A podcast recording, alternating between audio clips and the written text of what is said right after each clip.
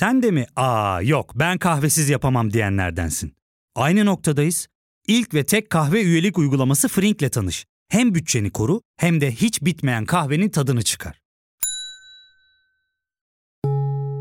Yakınlarından terapinin onlara ne kadar iyi geldiğini dinlesen de kendin için bir şeylere başlamak zor geliyor olabilir. Ya da sevdiklerine yardım etmeye istekliyken kendi ihtiyaçlarını görebilmek. Hayvel, uzman psikologlarıyla kendi ihtiyaçlarını bulmanda sana destek olacak. Terapi yolculuğuna başlamak için detaylı bilgi bölümün açıklamalarında.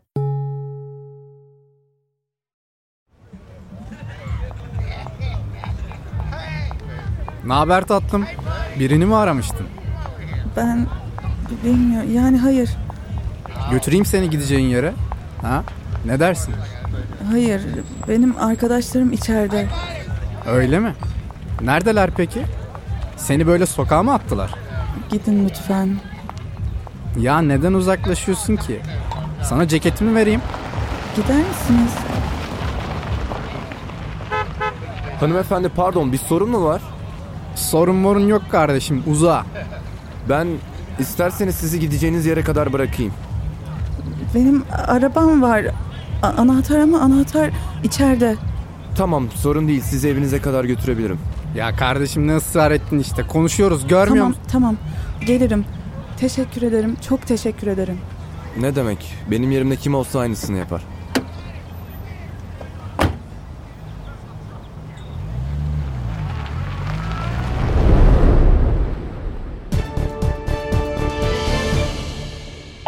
yaşındaki üniversite öğrencisi Kenya Monye'den günlerdir haber alınamıyor.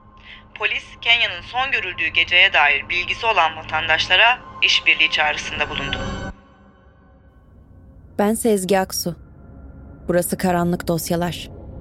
Kendisinden haber alınamayan genç bir kız, ona sadece yardım etmek istediğini söyleyen bir adam ve kaybolan genç kızla karanlığa karıştığı iddia edilen kimliği belirsiz bir yabancı. Kenya Monye'nin kayboluşu Colorado'yu dehşete düşürmüştü. Ne dersiniz? Aylarca sürmüş bu kedi fare oyununa başlayalım mı?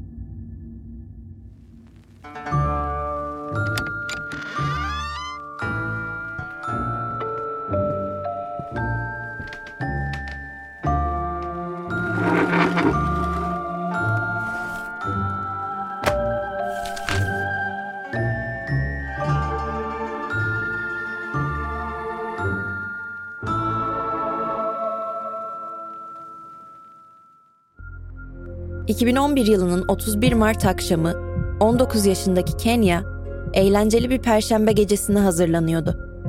Her üniversite öğrencisi gibi akademik ve sosyal hayatı arasında denge kurmaya çalışıyordu ve bunda oldukça iyiydi. Kenya tüm çocukluğunu Honduras'ta anneannesiyle birlikte yaşadığı evde geçirmişti. Annesi ona daha iyi bir hayat sunabilmek için ABD'ye göçmüştü kızını da en yakın zamanda yanına aldırmayı planlıyordu. Kenya ancak 12 yaşına geldiğinde annesiyle birlikte yeni hayatına başlayabilmişti. Kenya 2004 yılında Amerika'ya taşındığında aslında sadece annesine değil bir aileye de kavuşmuştu. Maria burada Tony Lee adındaki bir adamla evlenmiş, Kimberly ve Anthony adında iki de çocukları olmuştu. Kenya tanıştığı ilk andan itibaren yeni ailesini tüm kalbiyle benimsemişti ve hiçbir zaman onlar için üvey kelimesini kullanmamıştı. Kimberly onun sırdaşıydı. Yaşadıklarını en ince ayrıntısına kadar birbirleriyle paylaşmak için her gün konuşurlardı. O günde her zamanki gibi Kenya'dan bir telefon gelmişti. Ancak telefondaki kişi Kimberly'nin beklediğinin aksine Kenya değil, erkek arkadaşı Lewis'ti. Endişeli bir sesle Kenya'nın eve dönmediğini söylüyordu. Kimberly durumu hemen anne ve babasına haber verdi. Telaş içerisinde Kenya'nın tüm arkadaşlarını aradıkları sırada kapı çaldı. Gelen kişi önceki gece Kenya'nın birlikte eğlendiği kızlardan biriydi ve elinde bir çanta tutuyordu. Kenya'nın çantasını. Anlattığına göre Kenya kulüpte çok sarhoş olmuş ve onlara lavaboya gitmesi gerektiğini söylemişti. Bir daha da masaya dönmemişti. Maria ve Tony, Kenya'nın alkol etkisi altında olmasına şaşırmışlardı. Henüz 21 yaşında değildi. Peki içkiye nasıl erişebilmişti? Sahte kimlikleri vardı. Herkesin varmış kulüplere girebilmek için. Size söylemedim çünkü sır da eğlencesine yaptıkları bir şeydi. Böyle bir şey olabileceğini nereden bilebilirdim ki? Maria ve Tony şok içindeydiler. Kenya'nın sahte kimlik kullanarak kulüplere girebildiğini bilmiyorlardı. Şimdi ona ulaşılamıyordu ve yanında kelimenin tam anlamıyla hiçbir şey yoktu. Çantanın içinde cüzdanı, ev ve araba anahtarlarının yanı sıra telefonu da vardı. Bu durum onları daha da huzursuz etti. Kenya telefonu olmadan asla bir yere gitmezdi. Arkadaşı evden ayrıldıktan sonra Tony bir ipucu bulabilmek umuduyla Kenya'nın telefonuna baktı. Onlarca cevapsız mesajın içerisinden bir tanesi dikkatini çekti. Çünkü o mesaj kayıtlı olmayan bir numaradan gelmişti. Selam, ben Travis. Seni dün arabasına alan çocuk. Hani şu korkunç beyaz minibüs. Eve sorunsuz vardın değil mi? Kimse Travis isimli birini tanımıyordu. Ama Tony bir başka tanık bulma ihtimaline sevinmişti. Hemen numarayı aradı. Cevap yoktu. Tony polisi arayıp kayıp ihbarında bulunmak istedi ama eyalet yasalarına göre kayıp bir kişi için 72 saatten önce işlem başlatılamıyordu. Polislere telefondaki mesajdan da bahsetmesine rağmen 72 saat sınırına takılmaktan kurtulamıyordu. Sinirli ve çaresiz bir şekilde numarayı aramaya devam etti. Ama umudu tükenmeye başlamıştı. Ta ki ertesi gün akşam saatlerinde kayıtlı olmayan o numaradan bir arama gelinceye kadar. Tony telefondaki yabancıya kızını en son nerede gördüğünü sordu. Sabah iki buçuk gibi bir gece kulübünün önünde beklerken gördüm onu. Evsiz bir adam rahatsız ediyordu ve çok sarhoştu. Onu o şekilde bırakmak istemedim. Eve bırakmayı önerdim. Kabul etti. Sonra yolda giderken sigara içmek istedi. Bende yoktu kullanmıyorum çünkü. Benzin istasyonunda durduk. Orada bir adam vardı. Tanıdığı biri mi bilmiyorum. Kızınıza yakın davranıyordu. Aralarında İspanyolca konuştular. Kızınıza bir sigara verdi. Ben arabaya dönmesini bekledim ama adam kolunu onun omzuna attı ve beraber uzaklaştılar. Hatırladığım son şey bu. Tony telefonu kapattı ve az önce duyduklarını sindirmeye çalıştı. Hikayede bazı tutarsızlıklar olduğunu düşündü. Sonra dayanamayıp Travis'i yeniden aradı ve aklına takılan soruları sormak istediğini söyledi. Travis eğer isterse onunla Kenya'yı en son gördüğü yer olan benzincide buluşabileceklerini söyledi. Tony bunu düşünmeden kabul etti. Ama her şeye karşı hazırlıklı olmalıydı. Hemen çekmecesine gizlediği silahını yanına aldı ve kapıya yöneldi. Durumu eşine açıkladıktan sonra evden çıktı. Maria korku içerisinde polisi aradı ve onları benzinlikte olacak buluşmadan haberdar etti. Tony'nin silahı olduğunu da söyledi ve polislere bir şeyler yapmaları için yalvardı. Tony benzinliğe vardığında polis memuru çoktan gelmişti ve temiz yüzlü genç bir adamla konuşuyordu. Genç adam yaklaşıp kendisini tanıtınca Tony biraz rahatladığını hissetti. Çünkü Travis birine kötülük yapabilecek birine benzemiyordu. Ona güven vermişti. Polise de Tony'ye anlattığı hikayenin aynısını anlattı. Travis samimi ve gerçekten üzgün görünüyordu. Ama hikayesinde havada kalan bir şeyler vardı. Ancak ortada onu suçlayabilecek bir delil olmadığı için serbest bırakıldı. Özür dilerim gerçekten. Ke- Keşke başladığım şeyi yarıda bırakmasaydım. Böyle olacağını düşünemedim. Tony elini uzattı ve hala özür dilemeye devam eden Travis'le el sıkıştıktan sonra benzinlikten ayrılıp evine döndü. Kenya'nın nerede olduğu aydınlığa kavuşmamıştı. Artık 72 saatin dolmasını beklemekten başka şansları yoktu. Kenya'nın kaybolmasıyla ilgili soruşturma 4 Nisan pazartesi günü açıldı. Dedektif Gurule, Denver'da 20 yıldır görev yapan deneyimli bir polisti. Kenya dosyasıyla artık o ilgilenecekti. Partneri Kerry Lombardi ile zaman kaybetmeden çalışmaya başladılar. Soruşturmaya o geceye dair bilgisi olan tek kişiden, yani Travis'ten başlamaya karar verdiler. Ve çalıştığı iş yerini ziyaret ettiler. Burası Travis'in glutensiz granola barlarını yaptığı bir fırındı.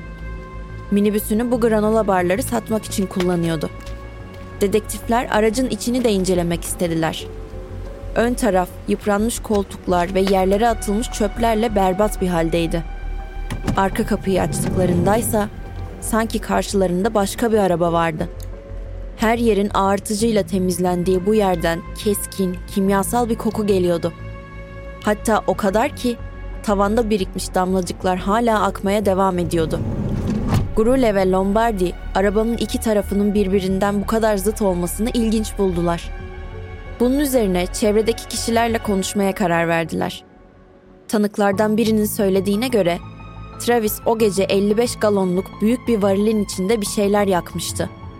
Dedektifler çevreyi aradıklarında gerçekten de fırının birkaç blok ötesinde terk edilmiş bir varil ve içinde küle dönmüş kalıntılar buldular. Ancak bu kül yığınında herhangi bir DNA örneği bulmak imkansızdı. Başka kanıtlar aramak üzere iş yerinin içine girdiklerinde yanlarına Travis'in patronu yaklaştı ve dedektiflere kamera kayıtlarına bakmaları gerektiğini söyledi. Bu görüntülerde Travis'in 1 Nisan günü akşam 7.30 sularında fırında olduğu görülüyordu. Temizlik için kullanılan uzun lateks eldivenler takmıştı ve koli bandıyla sıkıca kapatılmış beyaz bir soğutucuyu fırının derin dondurucusuna sürüklüyordu. Görüntü burada kesildi.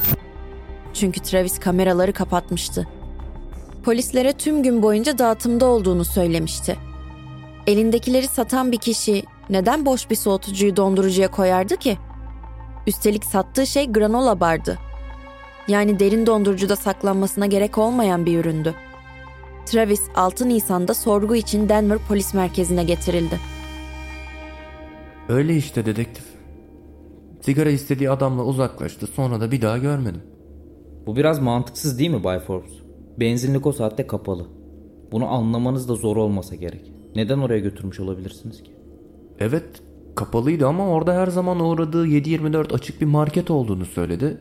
Ben de şansını denesin istedim. Hmm. Ve hiç bilmediği bir adamla öylece gitmesine izin verdiniz öyle mi? Bunun için tüm hayatım boyunca pişmanlık duyacağım ama beni de tanımıyordu sonuçta değil mi? O adamla gitmek istediğinde ne diyebilirdim ki? Peki ya varil? İçinde ne yaktınız? Bakın. Arada sırada ot içiyorum tamam mı? Minibüsün arkasına sakladığım bir paket vardı. Küflenmiş. Ben de yakmaya karar verdim. Minibüsü de ondan temizledim. İçerisi öyle kokarken granola barları satamazdım. Dondurucuya neden ihtiyaç duydunuz peki? Hem de gün sonunda. Araba temizlenip kuruyana kadar ürünlerim düzgün bir yerde dursun istedim. Koku ve rutubetsiz bir yer. Ya. Kamerayı niye kapattınız öyleyse? Üzerimi değiştirmem gerekiyordu. Travis oldukça sakindi.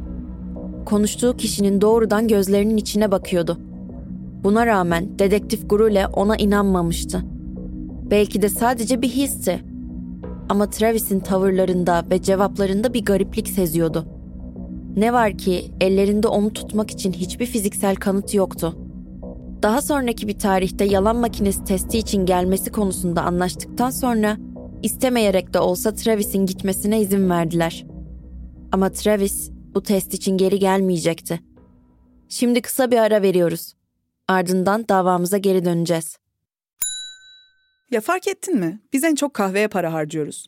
Yok abi, bundan sonra günde bir. Aa, sen Frink kullanmıyor musun? Nasıl yani? Yani kahvenden kısmına gerek yok. Frink'e üye olursan aylık sadece 1200 TL'ye istediğin çeşit kahveyi istediğin kadar içebilirsin. Günlük 40 TL'ye sınırsız kahve mi yani? Çok iyiymiş. Aynen. Hatta şu anda 200 TL'lik bir indirim kodu da var. E hadi hemen indirip üye ol da bu fırsatı kaçırma.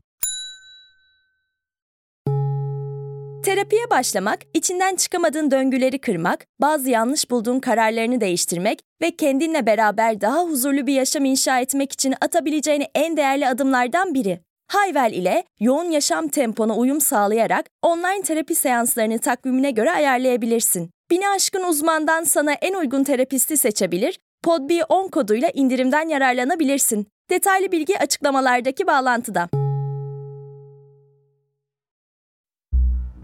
İfade verdikten sonraki birkaç gün Travis haber muhabirlerinin ilgi odağı haline geldi. Onu öldürdünüz mü? Öldürmedim. Bakın hayatta herkes kendi tercihlerini yapar ve o da tanımadığı o kişiyle gitmeyi tercih etti ve bu yüzden kendimi suçlayamam. Özür dilerim. Kendimi tutamıyorum. Bu röportajdan sonra Denver'dan ayrılan Travis bir süre kayıplara karıştı. 4 Mayıs'ta dedektif Grule'ye bir telefon geldi. Travis Forbes, Austin, Texas'ta yakalanmıştı. Bir arkadaşının arabasını çalmakla suçlanıyordu. Arabayı Denver'dan biraz uzaklaşmak için almış ve geri getirmemişti. Bu Grule için bir fırsattı. Hemen Travis'ten DNA alabilmesini sağlayacak bir izin kağıdı çıkarttıktan sonra aynı akşam Texas'a uçtu. Travis artık kendisine ismiyle hitap ediyordu. 3 saat boyunca konuştular. Biliyor musun Travis? Beni buraya gönderdiler çünkü senin Meksika'ya kaçacağını düşünüyorlar. Bir yapma ya. Ne halt etmeye Meksika'ya gidecekmişim? Bilmem. Bronzlaşmak için falandır belki. Komikmiş Krule. Herhalde tüm bu yolu bana soru sormak için gelmedin. Aslına bakarsan onun için geldim. Kenya'ya bir şey yaptın mı? Hayır. Ona zarar verdin mi? Hayır. Hiç dokunmadık. Hiç. Sarılmadık bile. Ki ben genelde insanlara sarılırım. Eh, Başka bir şey yoksa. Aslında var. Senden DNA örneği alabilmemi sağlayan bir izin belgesi var. Travis'in buna karşı çıkma şansı yoktu. Dedektif Grule için gereken tek şey bir DNA eşleşmesiydi. Ama Kenya hala bulunamadığı için bu henüz mümkün değildi. En azından hapiste kontrol altında olacağını düşünürken Travis'in arkadaşı kısa süre sonra suçlamalarını geri çekti. Travis 30 Haziran günü serbest kalınca ilk işi Fort Collins'e babasının yanına gitmek oldu. Farkında olmasa da polisler tarafından takip edilmekteydi. Daha geldiği ilk gece sarhoş olup sokakta olay çıkartınca Fort Collins polisi hakkında tutanak tutmuştu. Travis'in peşindeki polisler yerel polisleri uyardılar. Böylece Travis 3 gün boyunca her an takip edildi. Olay çıkardıktan sonraki günlerde durulan Travis, polislerin dikkatini çekecek taşkın davranışlarda bulunmamaya başlamıştı. Bu sebeple polisler 3 Temmuz'da takibi durdurma kararı aldılar. Bu yaptıkları en büyük hata olacaktı. Fort Collins 4 Temmuz kutlamalarıyla cap canlıydı. Havai fişek gösterisini heyecanla izleyenler arasında 30 yaşındaki Lydia Tillman da vardı. New York'ta şarap garsonu olarak çalıştığı 6 yılın ardından babasının sağlık durumu sebebiyle yılın başında memleketine geri dönmüştü. Nazik, pozitif, hayatı seven biriydi. Gösteriyi izledikten sonra Lydia evine doğru yürümeye başladı. Bir süre sonra arkasından birinin geldiğini hissetti. Ve biraz tedirgin oldu. Ama sorun yoktu. Zaten eve neredeyse ulaşmıştı. Anahtarla kapıyı açtı.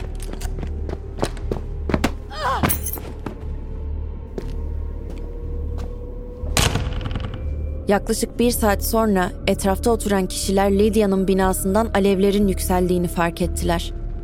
Hemen itfaiyeyi aradılar ve evde mahsur kalmış birinin olabileceğini söylediler. Dakikalar içerisinde evin önü itfaiye, polis ve ambulans arabalarıyla doldu. Evin içi kül olmuştu. Alevler her yanı sarmıştı. Bundan sonra birini bulsalar bile canlı çıkma ihtimali yoktu. Ama Lydia evin içinde değildi. Polisler onu arka bahçede hareketsizce yatarken buldular. Tanınmaz haldeydi. İşkenceye uğramıştı ama yaşıyordu. Onu hemen ambulansa kaldırdılar. Ağır şekilde darp edilen Lydia'nın kaburga kemikleri kırılmış, çenesi ve göz çukuru parçalanmıştı. Aynı zamanda tecavüze uğramıştı. Sonra da muhtemelen ölmüş olduğu düşünülerek yanmaya terk edilmişti. Ama Lydia'nın hayatta kalma arzusu baskın gelmişti. Sert zemine düşmeyi göze alarak kendini ikinci kattan atmıştı. Lydia kaldırıldığı hastanede başına aldığı darbeler sebebiyle çok ciddi bir felç geçirdi. Bilincini kaybetmişti ve onun için 5 hafta sürecek bir ölüm kalım savaşı başlamıştı. Fort Collins sakinleri dehşet içerisindeydi. Bu vahşeti gerçekleştirebilecek birisi aralarında dolaşıyordu. Dedektif Jacqueline Shackley davaya atandığında öncelikle bunun kişisel bir saldırı olduğunu düşündü. Ama yürüttüğü soruşturmalar sonucunda Lydia'ya bunu yapabilecek kimsenin olmadığını anladı. Böylece son birkaç haftanın sabıka kayıtlarına bakmaya başladı. Travis adında yabancı bir genç adamın birkaç gün önce sarhoşken çıkardığı olayın kaydını gördü. Travis'in sorgulandığı Kenya Monye davasının detaylarını incelediğinde hemen dedektif Gurule'yi aradı. Her iki olayda da fiziksel kanıtlardan kurtulmak için ateş ve artıcı kullanılmıştı. Burada bir örüntü vardı. Ve dedektif Gurule ilk defa gerçeği aydınlatmaya bu kadar yakın olduğunu hissetti. Lydia'nın bedeni artıcıyla kanıtsız hale getirilmiş olsa da tırnak altında yabancı bir DNA'ya ulaşılmıştı. Hayatta kalmak için verdiği mücadele belki de pek çok başka hayatı kurtarmıştı. 8 Temmuz'da polis Travis'i yeniden takip etmeye başladı. Geceleri eğlence mekanlarının olduğu caddelerde geziyor ama asla hiçbirinin içine girmiyordu. Kelimenin tam anlamıyla ava çıkmıştı. Gece vaktiydi. Polisler Travis'i sarhoş bir kadınla yürürken gördüler. Ayakta zor duran kadını açıkça caddeden uzaklaştırıp ıssız bir sokağa çekmeye çalışıyordu. Hiç vakit kaybetmeden yolunu kestiklerinde Travis'in yüzünde vahşi bir ifade belirdi. Avını elinden kaçırmasına sebep olan polislere isminin Travis Kennedy olduğunu söyledi. Polisler uzaklaştı. Yarım saat geçmişti ki Travis yeniden görüş alanlarına girdi. Farklı bir ceket ve yüzünü gizleyen bir şapkayla bu sefer de başka bir kadını takip ediyordu. Travis'in sokaklarda özgürce gezdiği her saniye herkes için tehlike demekti. Kendine hakim olamıyordu. Polislerin onu sokaklardan silmek için bir bahaneye ihtiyaçları vardı. İsim değiştirmesini öne sürerek polise yanlış bilgi verme suçundan Travis'i tutukladılar. Böylece biraz süre kazanmışlardı. Ama bu büyük bir suç değildi. Travis hapiste uzun süre geçirmeyecekti. Zaman daralıyordu. Travis pazartesi akşam 10.30'da özgür kaldıktan sonra belki de izini tamamen kaybettirecekti. Sonunda Travis'in serbest kalmasına dakikalar kala Dedektif Shackley'e laboratuvardan bir telefon geldi. Lydia'nın tırnak altından alınan DNA ile Travis'in DNA'sı eşleşmişti. Dedektif Shackley gözyaşlarıyla Dedektif Gurule'yi aradı. Artık cevaplanması gereken tek bir soru kalmıştı. Kenya'nın bedeni neredeydi? Cevabın Travis'te olduğu kesindi. Ama Travis, Fort Collins'te tutulduğu cezaevinde kimseyle tek kelime konuşmuyordu. Konuşmak istediği yalnızca bir kişi vardı. Hoş geldin Grole. Teklifimi geri çevirmediğin için teşekkür ederim. Buraya neden geldiğimi çok iyi biliyorsun. Merak etme. Her şeyi anlatacağım. Güzel. Ama bir şartım var. Bana idam cezası vermeyeceksiniz. Ve cinsel saldırı suçuyla hapse tıkmayacaksınız. Ceza almayacağını mı sanıyorsun? Cezamı çekerim. Ama içeriye cinsel suçlu olarak girersen başıma neler geleceğini sen daha iyi biliyorsun. Seni Kenya'ya götüreceğim. Şartımı kabul edersen. Ertesi gün birbirini tek sıra halinde izleyen birkaç polis arabası Kingsburg'e doğru yola çıktı. Burası Denver'a 40 dakika uzaklıkta hayvancılıkla uğraşılan küçük bir kasabaydı. Travis ve dedektifler en öndeki arabadaydı. Her an fikrini değiştirebileceği korkusuyla dedektif Guru ile gaza biraz daha sert basıyordu. Artık çok yaklaşmışlardı. Durun. Burası.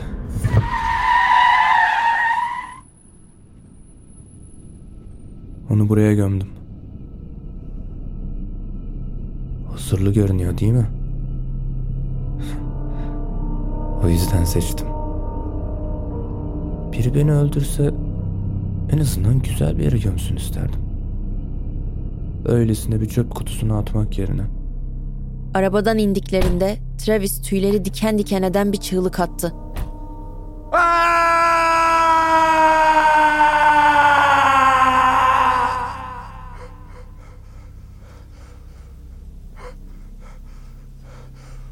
Ağacın hemen altında. Mutlu musun Grüle? Onu buldun. Sana söyleyeceğim demiştim. Sözümü tuttum. Şimdi sıra sende. Kenya kaybolduktan 5 ay sonra bulunmuştu. Jen'in pozisyonunda plastik bir brandaya sarılı halde gömülmüştü.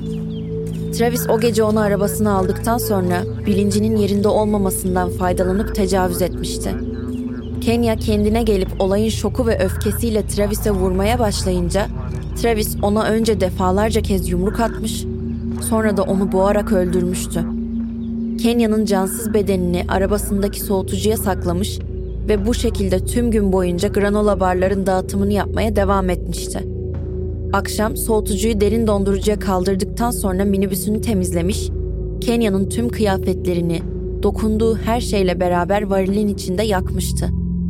Tony'nin telefonuna dönene kadar Kenya'nın bedenini Kingsburg'a götürmüş, kazdığı sığ çukura gömmüştü bile.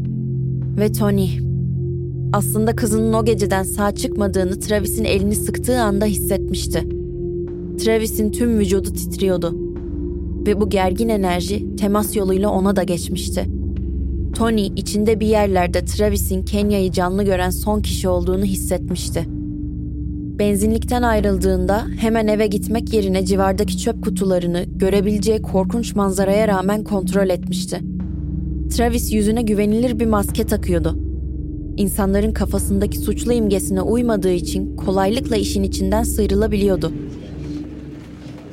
Gereği düşünüldü. Travis Forbes'un Kenya Monya'yı öldürme suçundan müebbet hapis cezasına çarptırılmasına, bununla birlikte Lydia Tillman'a karşı işlediği canice suç sebebiyle bu cezaya 48 yıl daha eklenmesine karar verilmiştir. Ben bir korkağım. Yaptığım şeyi aklamama imkan yok. Kendimden nefret ediyorum. Belki de bu yüzden başkalarının da canını yaktım.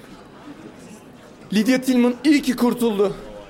Çünkü eğer yakalanmasaydım muhtemelen yine yapardım. Bir şeytanım ben. Beni eski halimle hatırlayın olur mu? Bu canavara dönüşmüş halimle değil. Travis bugün hala cezaevinde. Lydia Tillman geçirdiği felç sebebiyle ilk başta konuşma yetisini kaybetmiş. Sonrasında ise büyük bir özveriyle adeta bir bebek gibi ana dilini yeniden öğrenmiş. Bugün konuşmasında hala kalıcı bir hasar olsa da kendini güçlü bir şekilde ifade edebiliyor. Colorado Polis Departmanı'nda kadınlar için öz savunma dersleri veriyor. Kendi ifadesiyle korkuyu değil, sevgiyi seçmiş. Hatta kendisinde Travis Forbes'u affetme gücünü bile bulmuş. İlk başta hissettiği öfke yerine acımaya bırakmış.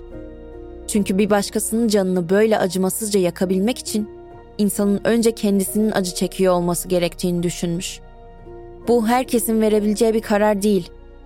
Sizce Travis Forbes gerçekten de sonradan canavara dönüşen masum bir ruh muydu? Tüm o duygusal tepkileri, ağlamaları gerçek miydi? Yoksa bir manipülasyon yöntemi miydi?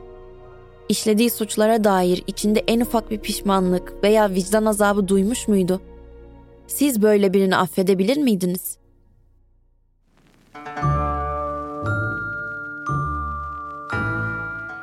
Bu haftanın karanlık dosyasını bu sorularla kapatalım. Bir sonraki karanlık dosyada görüşmek üzere. Kendinize iyi bakın.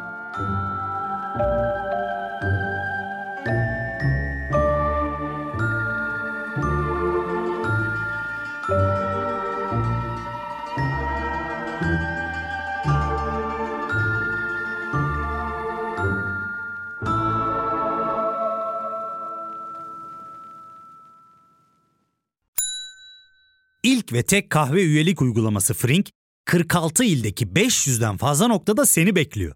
Açıklamadaki kodu girerek sana özel 200 TL'lik indirimden faydalanmayı unutma. Hadi sen de Frink üyeliğini başlat, kahven hiç bitmesin.